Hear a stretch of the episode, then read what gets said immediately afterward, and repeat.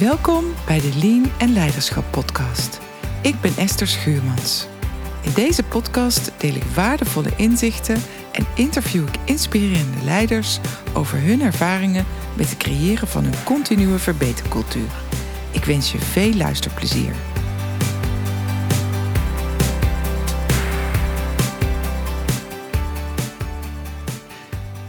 Welkom Nicole en Arjen. Nicole een Engelsman, Arjen Bandel. We zitten hier bij Laurens voor een uh, nieuwe podcastopname over lean en leiderschap.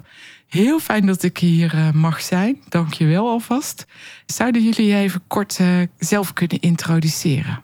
Ja, ik ben Nicole de Engelsman. Ik ben programmamanager van het Lean-programma bij Laurens. En dat is een programma wat we drie jaar geleden zijn gestart. En ik ben Arjan Mandel, sinds 4,5 jaar in de Raad van Bestuur van Laurens.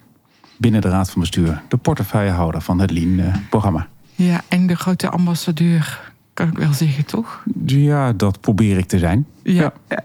ja, Goed. Arjen, kan jij iets vertellen over hoe jullie je Lean-reis zijn gestart? Ja, dat kan ik eh, denk ik wel. Als Laurens hebben we nou, zeg zo'n 3,5 jaar geleden inmiddels onze nieuwe strategie eigenlijk uh, bepaald. En een van de belangrijke pijlers daarin was de gestroomlijnde organisatie. We waren een organisatie die uit een crisisperiode kwam.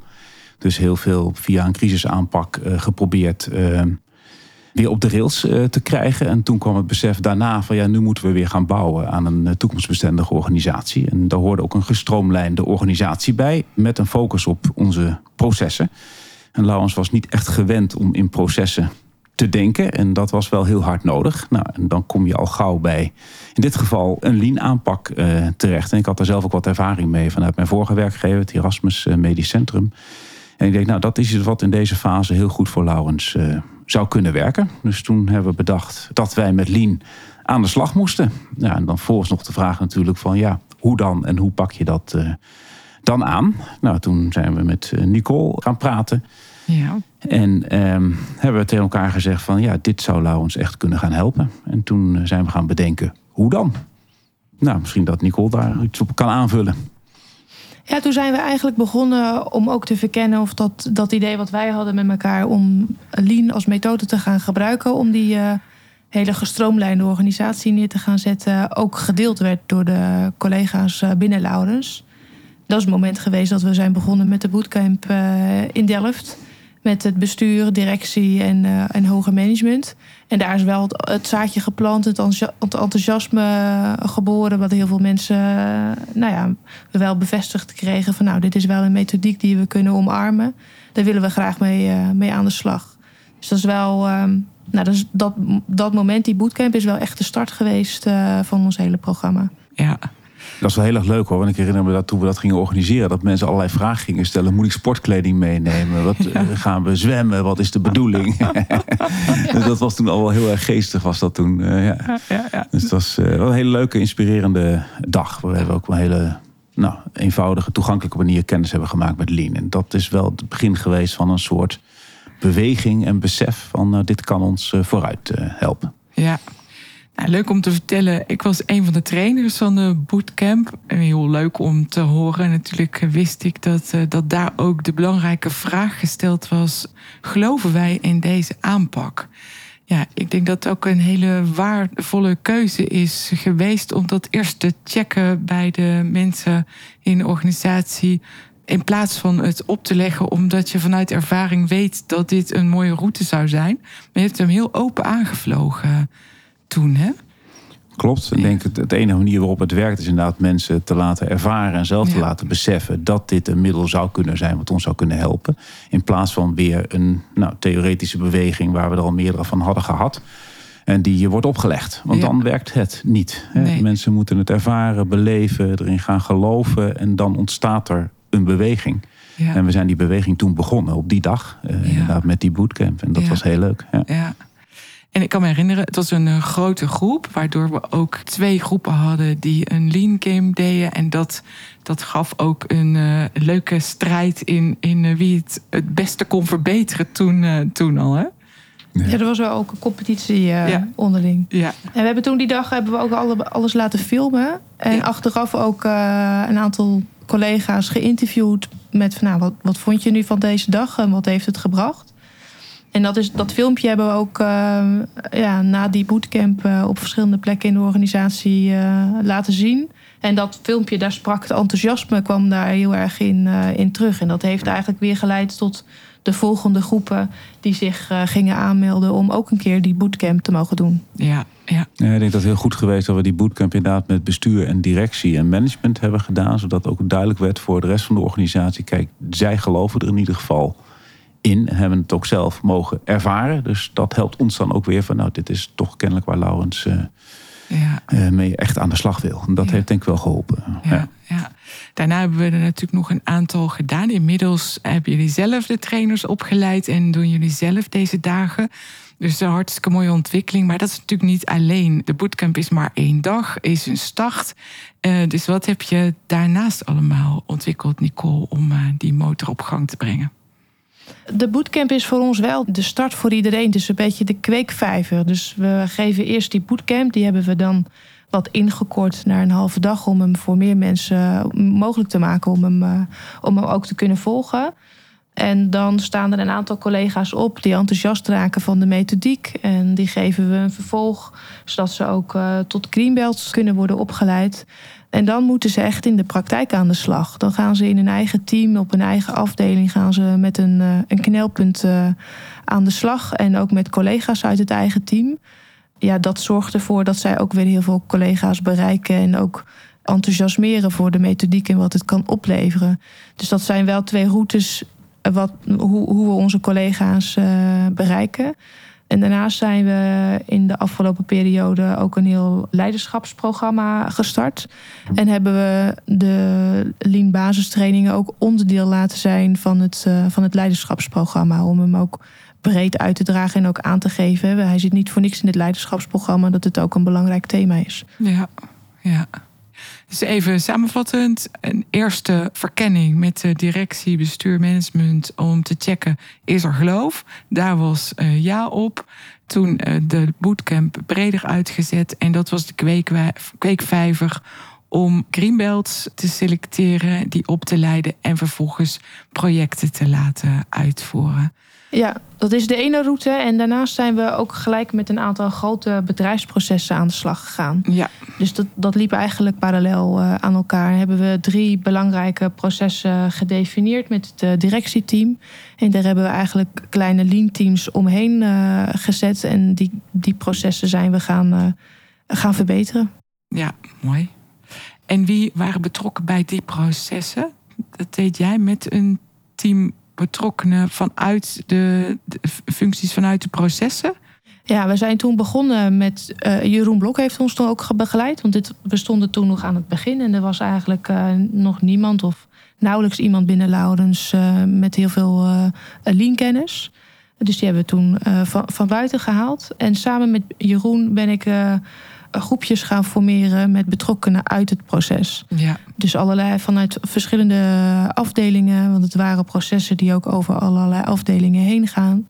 Zijn we ja, frequent bij elkaar gekomen om te kijken wat gebeurt hier nou precies en uh, waarom gebeurt dat nu en hoe kunnen we dit, uh, dit traject verbeteren. En van daaruit kwam ook eigenlijk de wens bij Laurens om niet afhankelijk te zijn van die externe kennis en ook zelf die kennis in huis te gaan halen en eigen medewerkers te gaan, uh, te gaan opleiden tot op black niveau. Zodat we een eigen lean team, dat was eigenlijk het idee om, een, toen, om een, met een eigen lean team uh, te gaan starten. En daar hebben we toen heel snel werk van gemaakt. Ja, ja. Klinkt als een hele indrukwekkende route. En dat is jullie allemaal de afgelopen drie jaar gelukt. Ook in een veranderende wereld met de COVID-pandemie er even tussendoor. Heb je daar veel last van uh, gehad? Nou, we hebben het programma wel, uh, ik denk een maand of drie heeft het programma wel echt stilgelegen. Toen was alle aandacht uh, naar corona. Bang ook om het enthousiasme wat we hadden opgebouwd, nou ja, dat dat helemaal weg zou eppen. Maar daarna zijn we toch weer begonnen en nou ja, kwam het eigenlijk als vanzelf, kwam dat enthousiasme weer terug en zijn we wel door kunnen blijven gaan, maar wel in een tempo ja, minder snel dan dat we dat gehoopt hadden. Maar alles wat op afstand kon, zijn we blijven doen. Maar het bleef ingewikkeld om met in de praktijk in de teams aan de slag te gaan, omdat er nog zoveel uitbraken waren. Ja, ja en zeker in de zorg natuurlijk. Maar heel knap dat jullie toch ehm, het enthousiasme hebben weten te behouden en, en ook heel snel weer hebben kunnen oppakken. Ja, ik was best een beetje bang dat dat zeg maar uh, zou wegebben. Ik kan me nog heel goed herinneren dat toen op 29 februari was dat volgens mij een schrikkeljaar notabene. 2020 was dat denk ik. Hè? Ja. met alle teams eh, bij elkaar zaten waarin die nieuwe herontwerpen van die processen gepresenteerd werden aan directie. En iedereen zei, wauw, dit is mooi, dat is een fantastische ambitie. En nou gaan we met z'n allen knallen. Nou ja, we weten allemaal hoe het daarna uh, afliep. Hè? Dus uh, temporiseren, aandacht op corona, hele andere prioriteiten. En ik was ontzettend bang dat we dan het momentum weer zouden verliezen. En op dat moment was dat natuurlijk ook zo, doordat inderdaad eh, corona ons uh, alleen maar bezig hield. Maar daarna merkte je dat dat enthousiasme niet verdwenen was. Mensen wilden zo snel als het weer kon aan de slag met. Ja, wij hadden toch iets moois bedacht uh, toen de tijd. En laten we nou met z'n allen gaan proberen het waar te maken.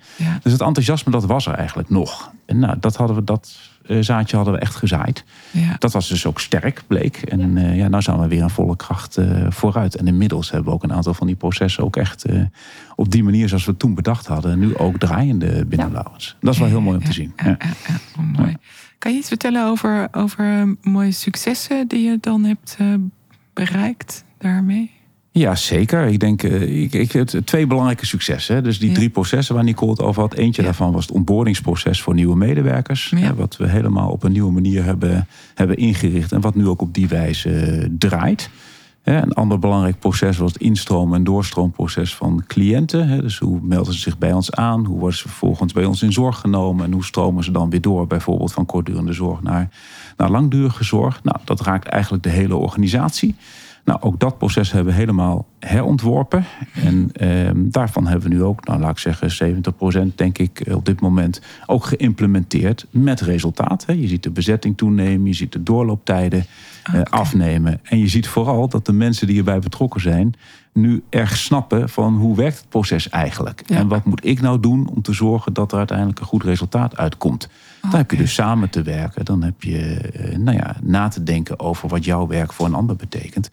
En dat vind ik ook een enorme meerwaarde van dat lean denken. Hè? Dat je met elkaar het doet. En met elkaar het inzicht creëert in hoe dat proces eigenlijk in elkaar zit.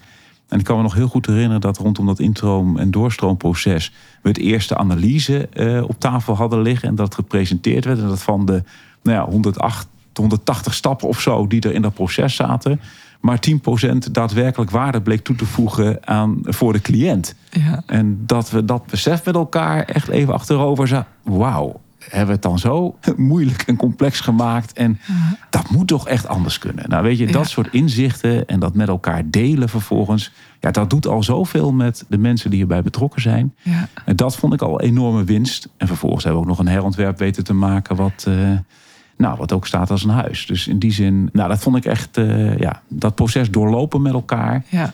vond ik al heel, uh, heel veel rijkdom eigenlijk. Ja. ja. Ja. ja. Wauw, mooi om te horen. Dus ja. uh, als resultaat bezetting in, de, in het doorstroomproces of in een uitstroomproces, doorlooptijdverkorting in de processen. Maar een hele belangrijke, hoor ik jou zeggen, is de ervaring en het, het leren verbeteren en het leren zien van verspillingen met de blik van wat is nou toegevoegde waarde voor de patiënt of voor de klant voor wie we het doen en kijken naar wat hebben we dan allemaal omheen georganiseerd en kan dat niet anders en dat je daar elkaar voor nodig hebt uh, want dat kan je alleen maar als je het samen doet met alle afdelingen die daarbij betrokken zijn want anders dan kun je het nooit optimaal inrichten. Dat is het mooie van Lean omdat het ja. begint bij het vertrekpunt van de cliënt. Ja. Dus je neemt ja. de cliëntreis als uitgangspunt. En ja ja, dan kun je wel tegen elkaar zeggen, ja, dat is natuurlijk logisch. Maar dat blijkt in de praktijk op een gegeven moment helemaal niet meer zo logisch te zijn. En door die focus er weer in te brengen, ja. zie je dat iedereen ineens weer nou ja, vanuit dat perspectief heel anders naar, eh, naar dingen begint te kijken. Ja. En dat, alleen al dat besef vond ik heel, heel waardevol. Ja. En iedereen overigens. Ja, en ik vond het ook wel mooi dat het, het, het wederzijds begrip wat ontstond tussen collega's van verschillende afdelingen, die wel allemaal een bijdrage hadden in dat proces, maar gewoon echt niet goed wisten wat ze deden en waarom ze deden. En door dat met elkaar over in gesprek te gaan, dat er echt heel veel begrip kwam ook voor waarom het gedaan werd zoals het werd gedaan. En je ja, ook met elkaar kon meedenken van ehm, nou, hoe kunnen we dat eigenlijk nog slimmer doen, dat de klant dat ook beter ervaart. Ja, dat is een andere een mooie, mooie bijvangstbegrip voor elkaar. Hè? Ja. Van, eh, en waarom dingen soms nodig zijn. Of begrip waarom dingen soms ook niet meer nodig zijn. Ja, zeker. Ja. Jij haalde net al even leiderschap aan, daar wil ik dadelijk ook nog uh, op doorgaan. Maar als het gaat over dat uh, lean denken en werken implementeren, wat zijn belangrijke randvoorwaarden? We hebben eigenlijk al even gehoord dat je het samen moet doen, afdelingsoverstijgend. Dat het belangrijk is dat het gedragen wordt en dat je eerst zegt: we geloven hierin. Dat het voorbeeld vanuit uh, directiemanagement belangrijk is. Heb je nog andere randvoorwaarden waarvan je zegt, ja, dat moet je wel organiseren. Wil je succesvol zijn in continu verbeteren? Nou, wat ik wel heel belangrijk heb gevonden is dat uh, het kan al snel worden opgevat als een bezuinigingsoperatie. Ah, ja. van je gaat je processen slimmer maken, verspilling eruit halen. Oké, dat is vanwege een kostenoverweging. Of nou, dan uh, moeten er dus mensen uit. Nou, daarvan hebben we van begin af aan gezegd, maar zo vliegen we het niet aan.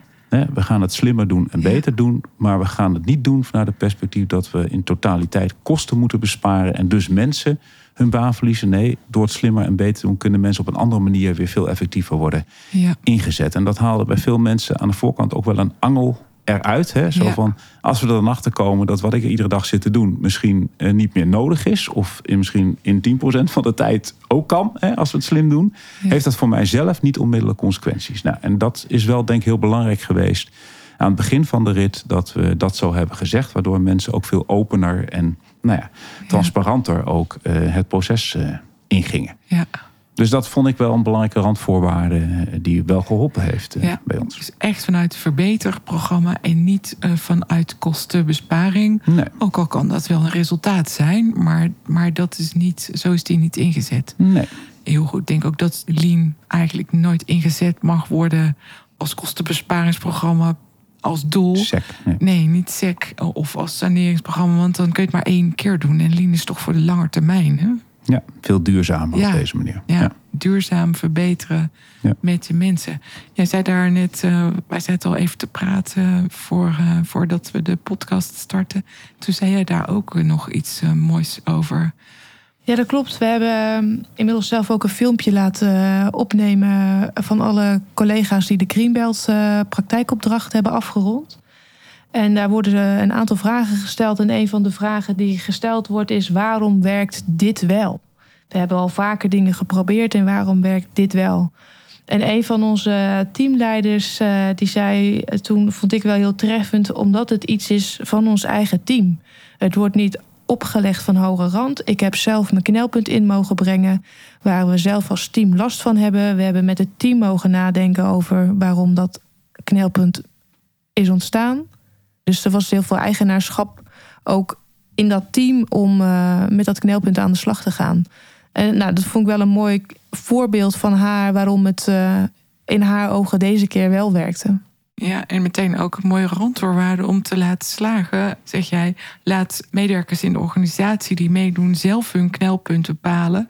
En laat ze daarmee aan de slag gaan. Want daar, daar creëer je draagvlak mee, eigenaarschap en dus ook succes. Ja, absoluut. Ja, mooi. Het effect van die beweging heeft me ook echt aangenaam verrast, moet ik zeggen. Hoor. Want in eerste instantie hadden we het als directie die- die drie grote processen eh, Ja. bedacht. Van nou, die zijn echt belangrijk voor de organisatie en dat gaan we doen. En vervolgens kwam deze hele beweging op gang waarin mensen zelf hun projecten uitkozen. En ik denk, nou, fantastisch. Het was ook die beweging, zeg maar, Ja. wat dat deed met de organisatie, die eh, mij heel aangenaam verrast heeft. Ja, En die we van tevoren niet op die manier zo hadden ingeschat, maar die heel waardevol Ja. blijkt te zijn. ja, En die we nu tot op de dag van vandaag eh, Ja. nog steeds zien. ja. En ook, ook ondanks dat ze daar zelf hun onderwerpen kiezen, hebben we wel die betrokkenheid vanuit bestuur en directie steeds georganiseerd. Dat er tollgates, tollgate momenten zijn waarop deze greenbelts hun praktijkopdracht toelichten aan een directeur of aan een bestuurder. Niet met het idee van nou, ik moet me verantwoorden over mijn project, maar waar gewoon hele leuke gesprekken ontstaan tussen de deelnemer van de Greenbelt en een, eh, een directielid of een, eh, of een bestuurder vanuit interesse over het onderwerp, over de manier waarop je het aanpakt, waar je tegenaan loopt. Dus ze voelen zich ook wel gezien en gehoord dat zij met dat onderwerp aan de slag zijn en dat daar echt uh, oprechte interesse is vanuit, uh, vanuit directeuren en bestuurders. Ja, ja, ja. ja, en als ik jou goed begreep, blijven jullie beide doen. Dus dit is een beweging die aangenaam verrassend is, heel waardevol. Maar ook de grote projecten blijf je wel doen. Zeker, ja. ja.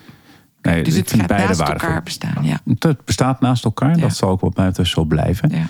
En daarin is ook hè, dat lean team, waar Nicole dan leiding aan geeft, heeft daar ook altijd een cruciale rol in gespeeld. Want van begin af aan hebben we gezegd, je hebt zo'n team wel nodig om kennis en coaching hè, te concentreren. Om iedereen goed weer op weg te helpen in zijn of haar trajecten.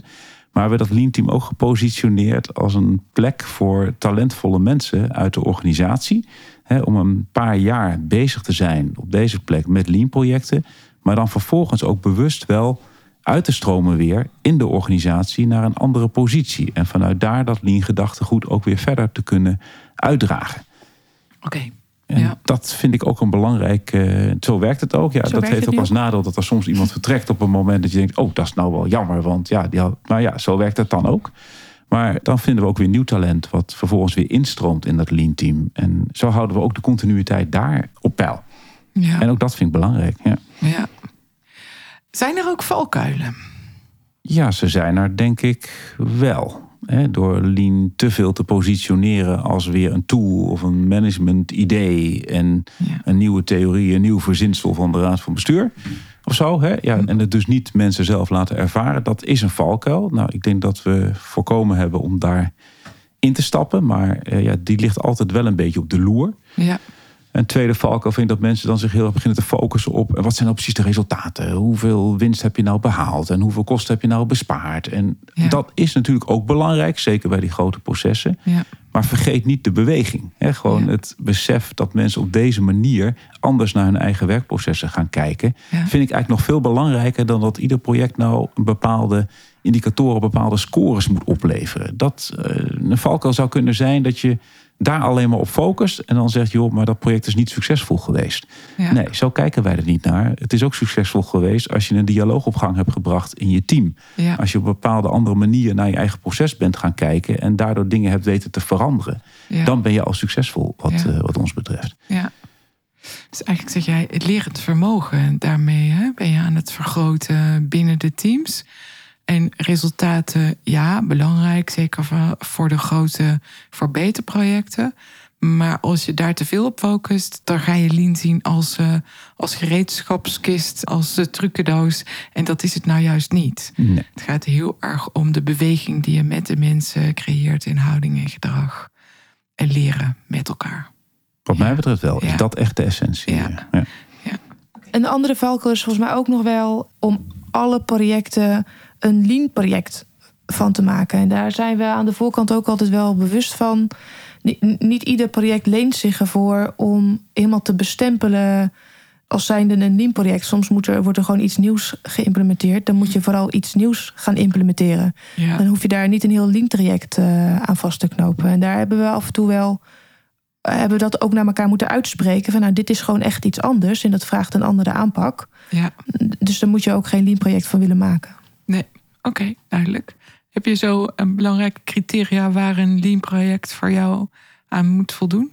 Uh, nou, voor ons gaat het vooral over processen. Het is een proces die je moet verbeteren. Het moet ook al een proces zijn. Ja. Is een bestaand proces wat je wil verbeteren. En als je iets heel nieuws wil, een nieuw product wil ontwikkelen, dan vraagt dat iets anders. Dan is het, eh, ja, dan moet je het allemaal nog uitvinden met elkaar wat zou, uh, zou kunnen werken. En dan kun je best wat onderdelen van Lean in, in toepassen. Maar dat is niet van begin tot eind een, uh, een Lean project. Ja.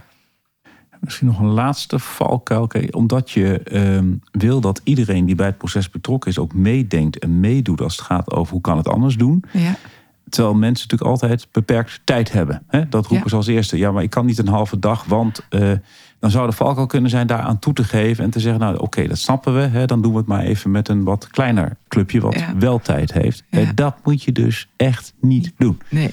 Je moet erop blijven aandringen, jongens, je moet er nu die tijd voor maken, want je verdient hem straks twee keer zo hard terug. En als we dat niet doen, dan gaat het ook niet werken. Ja. Dus trap niet in de valkuil door uh, nou ja, eh, aan die weerstand eh, toe te geven. Want die weerstand is er aan het begin. Want mensen hebben het hartstikke druk. Want ze werken vaak in een inefficiënt eh, proces. ja, en hebben jullie ook nog moeten leren om te kiezen? Of konden jullie dat al heel goed? Ik merk ook wel eens dat er heel veel tegelijk opgepakt uh, wordt. Of dat dat in ieder geval de wens is. Of de beweging is. En dat daardoor ja, de doorlooptijd verlengt of dingen niet afgemaakt worden. Wat is jullie ervaring daarmee? Of hoe scherp uh, letten jullie daarop? Ja, je moet wel keuzes maken. toen we gingen bedenken welke processen gaan we nou mee aan de slag, ja. lag er een lijst van 15 belangrijke processen. Ja, ja, ja, dan is de verleiding al gauw om te zeggen, je zijn allemaal belangrijk, dus eh, dat werkt dus niet. Dus je moet heel bewust keuze maken. Nee, we kunnen er maar drie tegelijk in dit geval aan en daar focussen we dus op. En de rest moet gewoon wachten. Ja. dus zo moet je wel continu uh, kiezen. Ja, als je hele teams aan zo'n proces laat werken, kun je ze niet ook nog eens laten werken aan twintig andere dingen. Nee. Want dat gaat dan dus ook niet. Ja. Dus je maakt in die zin wel een keus voor we gaan nu ons hierop focussen. En dat moet je wel heel bewust doen. Ja. En dat gaat nog niet altijd goed, want Nee. er zijn natuurlijk twintig problemen die aandacht uh, verdienen. Ja. En dan moet je af en toe weer even op terugfluiten. Maar je moet wel echt kiezen. Ja, Ja. Anders werkt het, uh, Ja. werkt het niet. Nee. ja, dus in die grote projecten heel duidelijke keuzes gemaakt. En hoe doe jij dat in de stroom met problemen die aangekaart worden vanuit de, de teams? En merk je dan ook dat je soms op de rem moet om, om ze te laten kiezen? Of uh, speelt dat minder? Nou, niet zozeer in de onderwerpen, maar wel een term die bij ons heel vaak uh, valt, is uh, maak van een potvis een goudvis. Dus we proberen wel altijd collega's te dwingen om het project klein te houden. En Ah. niet een, een probleem wat al vijf jaar lang speelt in jouw Greenbelt opdracht in, nou, laten we zeggen, een half jaar te willen oplossen. Maar maak het klein, zodat het ook behapbaar is en je dat ook en binnen je eigen invloedssfeer ligt, dat je dat ook met je team uh, kunt gaan oppakken. Ah, dat is ook een mooie. En die kun je natuurlijk als randvoorwaarde neerzetten, maar ook als valkuil als je daar als je dat niet doet. Dus dat je, dat je het project te groot definieert, waardoor je het niet afkrijgt. Of waardoor de energie eraf gaat omdat het te lang duurt. Die ga ik onthouden. Maak um, van een potvis een goudvis. Ja. Hij kwam heel vaak langs in de tollcase, dus dat was heel Ja? erg leuk. Ja, dat- uh, ja. Ja, het is een mooie titel voor, uh, voor uh, onze podcast. Ja. ja. Leuk. Iedereen leuk. heeft daar beeld bij. Ja, Ja. ja. Leiderschap. Je had het al even kort uh, genoemd uh, net. Je een leiderschapsprogramma waar je Lean ook uh, in gebed hebt. Wat betekent leiderschap voor jullie? Ja, dat heeft natuurlijk heel veel in zich. Maar voor mij betekent het vooral inspireren en richting geven. Hè, maar mensen niet exact vertellen wat ze moeten doen. Hè, we hebben een organisatie met uh, mensen die over het algemeen hun vak heel goed verstaan. Ja. Maar die hebben wel richting nodig, maar ook ruimte nodig om op een goede manier invulling aan dat vak te kunnen geven. Ja. En zo proberen we Lean ook te benaderen. We helpen ze met een richting, een beweging. Ja. Maar hoe ze het doen en de onderwerpen die ze belangrijk vinden en de knelpunten die ze willen oplossen, die bepalen ze zelf. En ik denk dat dat heel belangrijk is als het over leiderschap voor Lean gaat. Dat we het op die manier ook iedere keer blijven benadrukken. Wij leggen niks op. We helpen je. We bieden je methode aan en een manier van werken. En die kan je vooruit helpen. Maar je bepaalt zelf waar je het voor inzet en wat je voor problemen je ermee oplost. Ja. Dus dat helpt. En tweede is, ja, leiderschap gaat voor mij heel erg over dat je die dingen oppakt waar je ook echt probeert zelf invloed op uit te oefenen. Dat is leiderschap. Hè? Proberen invloed uit te oefenen op hoe zaken gaan. Mm -hmm. Ja, dan moet je ook wel richten op de dingen waar je ook invloed op kunt en wilt uitoefenen. En ook dat zit heel erg in lean. Dat zit weer in van die potvis en goudvis maken. Ja. Pak nou die dingen op waar je vanuit jouw rol ook daadwerkelijk iets aan kunt toevoegen of iets aan kunt uh, veranderen. En doe dat dan ook actief. En Ja. neem anderen dan ook mee in je reis. Dat vind ik heel erg leiderschap. Dus richting geven, ruimte geven, maar ook die dingen oppakken waar je ook daadwerkelijk vanuit je rol invloed op wilt uitoefenen. En dat dan ook actief uh, doet. Ja, als ik die even doorvertaal, dan klopt het ook dat iedereen. Je vraagt van iedereen leiderschap. Eh, Ik bedoel, leiderschap is niet voor de top van de organisatie. Het gaat over het leiderschap van iedereen. En dan meteen het eigenaarschap om dat op te pakken waar jij invloed op hebt. Waar jij ook iets in kan, uh, kan betekenen. Ja, bij ons zit dus ook niet alleen maar leidinggevend in het Lean-programma. Nee. Het zijn elke medewerker kan daaraan meedoen. Ja. Omdat je vanuit elke rol invloed kunt uitoefenen op hoe de dingen gaan. Dus heel erg mee eens. Ja. Ja, En we combineren dat ook wel in de, in de basismodule die we geven. Dat is deels een spel om te laten ervaren als onderdeel van een proces wat niet werkt. En hoe je dan met elkaar kunt, uh, kunt verbeteren. Maar er zit bij ons ook een e-learning aan vast. En die gaat veel meer uit van het leiderschaps. Naar hoe je daar invulling aan kunt geven. Dus hoe kun je je team nu faciliteren om ook met procesverbetering uh, aan de slag te gaan. Ja, oké. Was er nog een verandering nodig op het gebied van leiderschap, eigenaarschap eh, binnen Laurens toen jullie met de Lean begonnen? Ja, ik denk het wel. Hè. Ik vertelde in het begin van de podcast dat wij uit een situatie kwamen van crisis, waarin ook echt een crisisaanpak zeg maar, de overhand had. Hè. Dat was natuurlijk heel directief. En jij moet dit en jij moet dat. En het moet over twee weken klaar. En ja.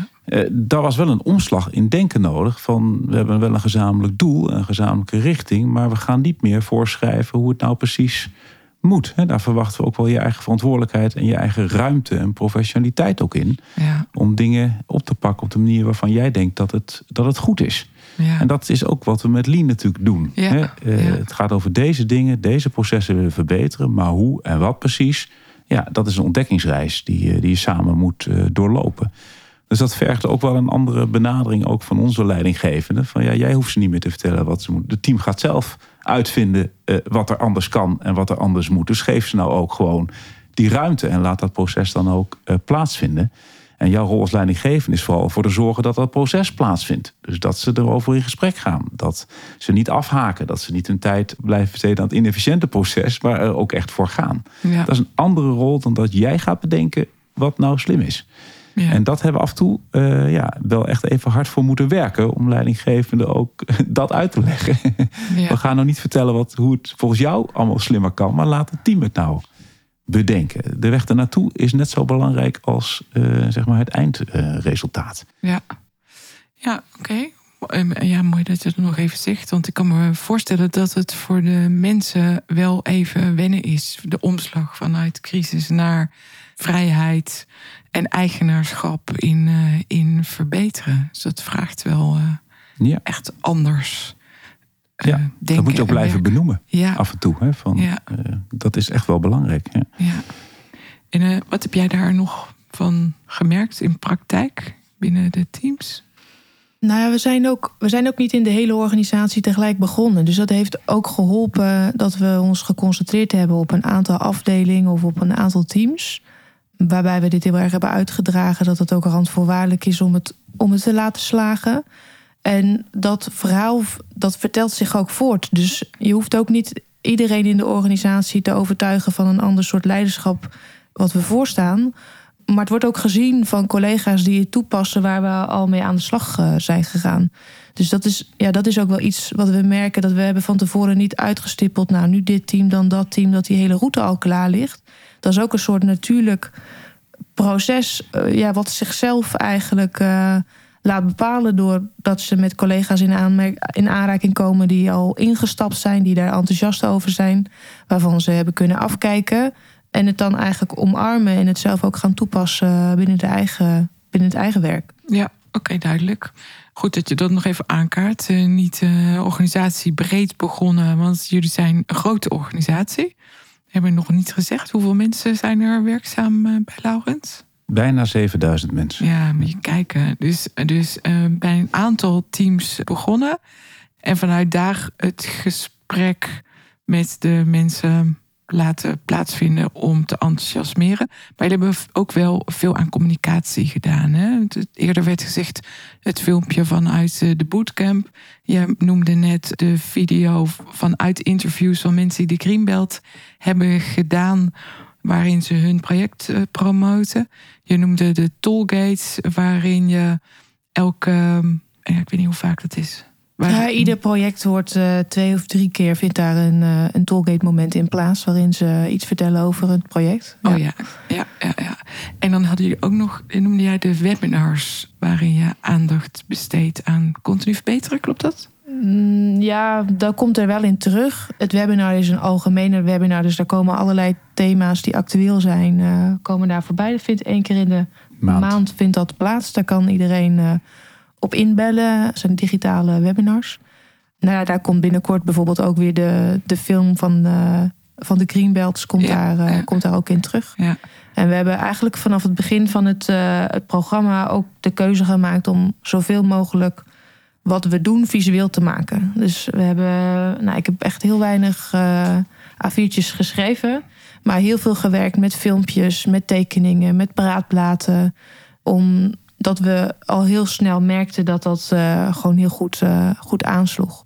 Ja, mooi. Volgens mij heb je ook een cursus gevolgd toch lean tekenen, of niet? Nog. Ja, grappig. Ja. Dat helpt wel. Dat je op een hele simpele manier probeert te visualiseren. Er zijn handige techniekjes voor. Daar hoef je niet heel erg nee. kunstzinnig voor te zijn of zo. Dat, nee, nee, ik kan helemaal niet zo goed tekenen. Maar. dat helpt wel. ja, op een gegeven moment ook over ja, communicatie gesproken. We hebben er best wel veel aandacht aan besteed. Maar op een gegeven moment moesten we ook even opletten... dat we niet aan ons eigen succes zeg maar, ten onder zouden gaan. Want ja. het enthousiasme van de mensen die ermee aan de slag waren... verspreidde zich zo snel door de organisatie dat Nicole op een gegeven moment wel platgebeld werd door mensen van eh, kan ik ook een bootcamp krijgen en kan ik met mijn hele team uh, dat doen en kan ik dat we ook wel op de rem hier en daar hebben moeten trappen in de zin van ja maar dan uh, werkt het niet want dan is iedereen straks zit bootcamps te doen maar dan kunnen we die projecten kunnen we met ja. z'n allen natuurlijk ook gewoon niet aan. Ja. Dus we hebben ook wel bewust af en toe moeten faseren om nou, niet te zorgen dat het een lege huls zou, zou worden. Ja. dus het moet ook wel een vervolg aangegeven kunnen worden. Dus ja. Nou, daar hebben we af en toe wel de balans in, in moeten zoeken. Ja, ja. Dus ook weer sterk in die keuzes. Um, wat doe je op welk moment? Ja. Ja. Um, ja. Maar um, mooi om, uh, om te horen hoe jullie die communicatie hebben opgepakt en hoe belangrijk dat is. En visueel management, natuurlijk ook een belangrijk uh, onderdeel binnen het Lean gedachtegoed. Maar dat jij dat ook in je communicatie over het hele programma juist zo inzet. Ja, nou, dat, dat, dat, dat werkt. En je, er komt ook een soort van herkenning. Ja. Uh, als mensen platen zien van... oh, die komt vast uit een traject uh, vanuit het Lean-programma. Ja, ja. ja. Leuk hoor, mooi. Wat is jouw grootste geleerde les in de afgelopen periode? Nou, een van de echte lessen, wat mij in ieder geval de ogen heeft geopend... is met name dat het zo'n beweging is geworden. Dat het dus niet zozeer hoeft te gaan over alleen maar de inhoud. Ja. Maar dat gewoon de manier van denken, de manier van werken, het openstaan voor verandering, dat dat effect eigenlijk het grootste bleek te zijn. Ja. En dat had ik van tevoren gewoon niet zo ingeschat, zeg maar. Dat dat, Ja. uh, en dat vind ik een van de belangrijkste lessen van deze aanpak. Dat is eigenlijk een heel mooi resultaat. Omdat je daarmee iets op gang houdt ook. En iets wat duurzaam is en gaat over leren verbeteren eigenlijk. Ja, En dat vond ik echt, dat heeft mij wel, dat had ik van tevoren niet op die manier en in die mate bedacht dat het zo zou werken eigenlijk. En dat vind ik heel aangenaam door, eh, door verrast. ja. mooi. Ja. Ja, welke tip zou jij dan aan de luisteraars meegeven, Nicole? Heb je, heb je een tip? Nou, volgens mij zijn er heel veel tips voorbij gekomen Ja, dat klopt. in deze podcast. Ik denk dat het begin, dus de manier waarop wij zijn gestart, echt bepalend is geweest voor het succes van het programma. Hm. Dus dat we met die bootcamp, met eh, directie, bestuur en MT het eerst met elkaar doorleefd hebben van wat houdt de methodiek Lean nou eigenlijk in en die vraag gesteld hebben of dat er ook draagvlak voor was en geloof om dat te omarmen en in de organisatie eh, in te gaan zetten. Dat blijft mij wel bij van nou dat is echt wel een markeerpunt geweest wat nou ja, het hele programma echt een, eh, een vlucht heeft gegeven. Oké. Ja, dus de tip is eh, de, de aanvliegroute, de start in eh, de, een bootcamp met de check van geloven we daarin. En om zo te beginnen en die verder uit te bouwen. Dat is voor jou echt eh, heel ja, en dat ook te, te blijven herhalen. Dus Ja. wat we net al zeiden, het is gefilmd en dat is gedeeld. Maar we hebben ook daarna natuurlijk regelmatig een bootcamp gegeven. En eh, Arjan was daar eigenlijk altijd het eerste half jaar of eh, eerste half uur was hij daarbij. Ja, Om ook vanuit bestuur uit te dragen van waarom willen we dit? Waarom geloven we hierin? Wat kan, het, wat kan het betekenen? Dat het echt een keuze was van de hele organisatie om op deze manier eh, te gaan werken. ja. Mooi dat je dat nog even aanhaalt, want dat was wel zo, ja. Heel waardevol, denk ik. Ja. Wat bijgedragen heeft aan eh, ja, dat, dat je hier echt achter staat. Dat je hier echt in gelooft als, eh, als bestuurders. Ja. Ja, ik denk dat dat geholpen heeft. En inderdaad, wat Nicole zei, het, je moet niet beginnen met een uh, theorieles over wat Lean allemaal is en welke tools je allemaal hebt. Je moet het meteen op dag één ervaren. Hè? En dat is echt het leuke van die bootcamps. Ja. Zonder kennis vooraf begin je met elkaar te ervaren uh, hoe het werkt en wat het kan brengen. Door een spel te spelen, door voorbeelden te doen, door oefeningen te doen. En natuurlijk een stukje theorie hè, op die momenten waarop dat dan van toegevoegde waarde is. Maar je hebt dus gewoon een hele leuke, inzichtvolle uh, start met elkaar. En dat brengt, wat mij betreft, het enthousiasme en de inspiratie uh, op gang. En dat was echt heel leuk hoe dat hier toen gestart is. Nou, daar heb jij zelf natuurlijk ook nog een bijdrage aan geleverd, Esther, met, met het spel. En, en dat helpt echt. ja. Mooi. Ik denk dat het een hele mooie, belangrijke eh, tip is om uh, mee naar het einde zo te gaan. En ga uh, elders kijken. Dat misschien ook nog als oh, laatste. Wij zijn toen bij Eneco toen geweest. Ja. Die dit al ons waren voorgegaan in die aanpak. Daar zijn we toen een halve dag naartoe geweest met een belangrijke of een grote groep uit de organisatie. En hebben hun ons laten inspireren van wat hebben jullie nou gedaan en hoe heb je het aangepakt. Vond ik ook heel waardevol. Ja, absoluut. dus eh, ga ook van tevoren, laat je eens bijpraten door organisaties die het al uh, hebben mogen ervaren. Dat leer je ook onmiddellijk uh, van en voorkomt dat je een bepaalde valkuilen gaat stappen aan de voorkant. Dus neem ook die tijd om even je oor te luisteren te leggen elders. Vond ik heel waardevol toen. Ja. ja. Nou, een hele mooie aanvullende, aanvullende tip. Tot slot, is er nog iets niet aan bod gekomen wat je graag nog mee wilt geven? Stilte. Veel besproken. Ja, volgens mij. Ja, volgens mij uh... veel, veel gezegd. Ja, maak het van jezelf. Hè. Dat, eh, Nicole heeft dat eerder al aangegeven. Ik denk dat het ook nog wel een mooie afsluiter is. Hè. In het begin hebben we hulp gehad hè, van jou, Esther, en van Jeroen. Nicole zei het al. Maar wel met de intentie om zo snel mogelijk eh, van onszelf te maken. En ik denk dat dat heel goed is gelukt. En ik denk dat het ook een belangrijke basis is voor duurzaamheid eigenlijk. Hè? Voor een duurzaam succes. Ja. Dus hulp natuurlijk, zeker nodig en in het begin belangrijk. Maar maak het van jezelf.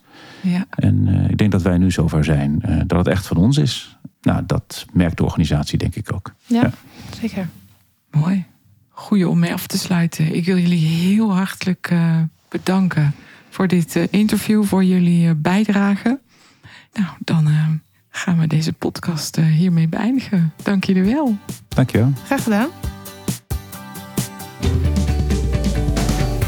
Je luisterde naar een aflevering van de Lean en Leiderschap podcast. Ik ben heel benieuwd wat je ervan vond. Ben je enthousiast? Abonneer je dan op deze podcast. Ken je iemand voor wie deze podcast ook interessant is? Dan zou het super zijn als je hem of haar de podcastaflevering doorstuurt. Nogmaals dank voor het luisteren en heel graag tot de volgende keer.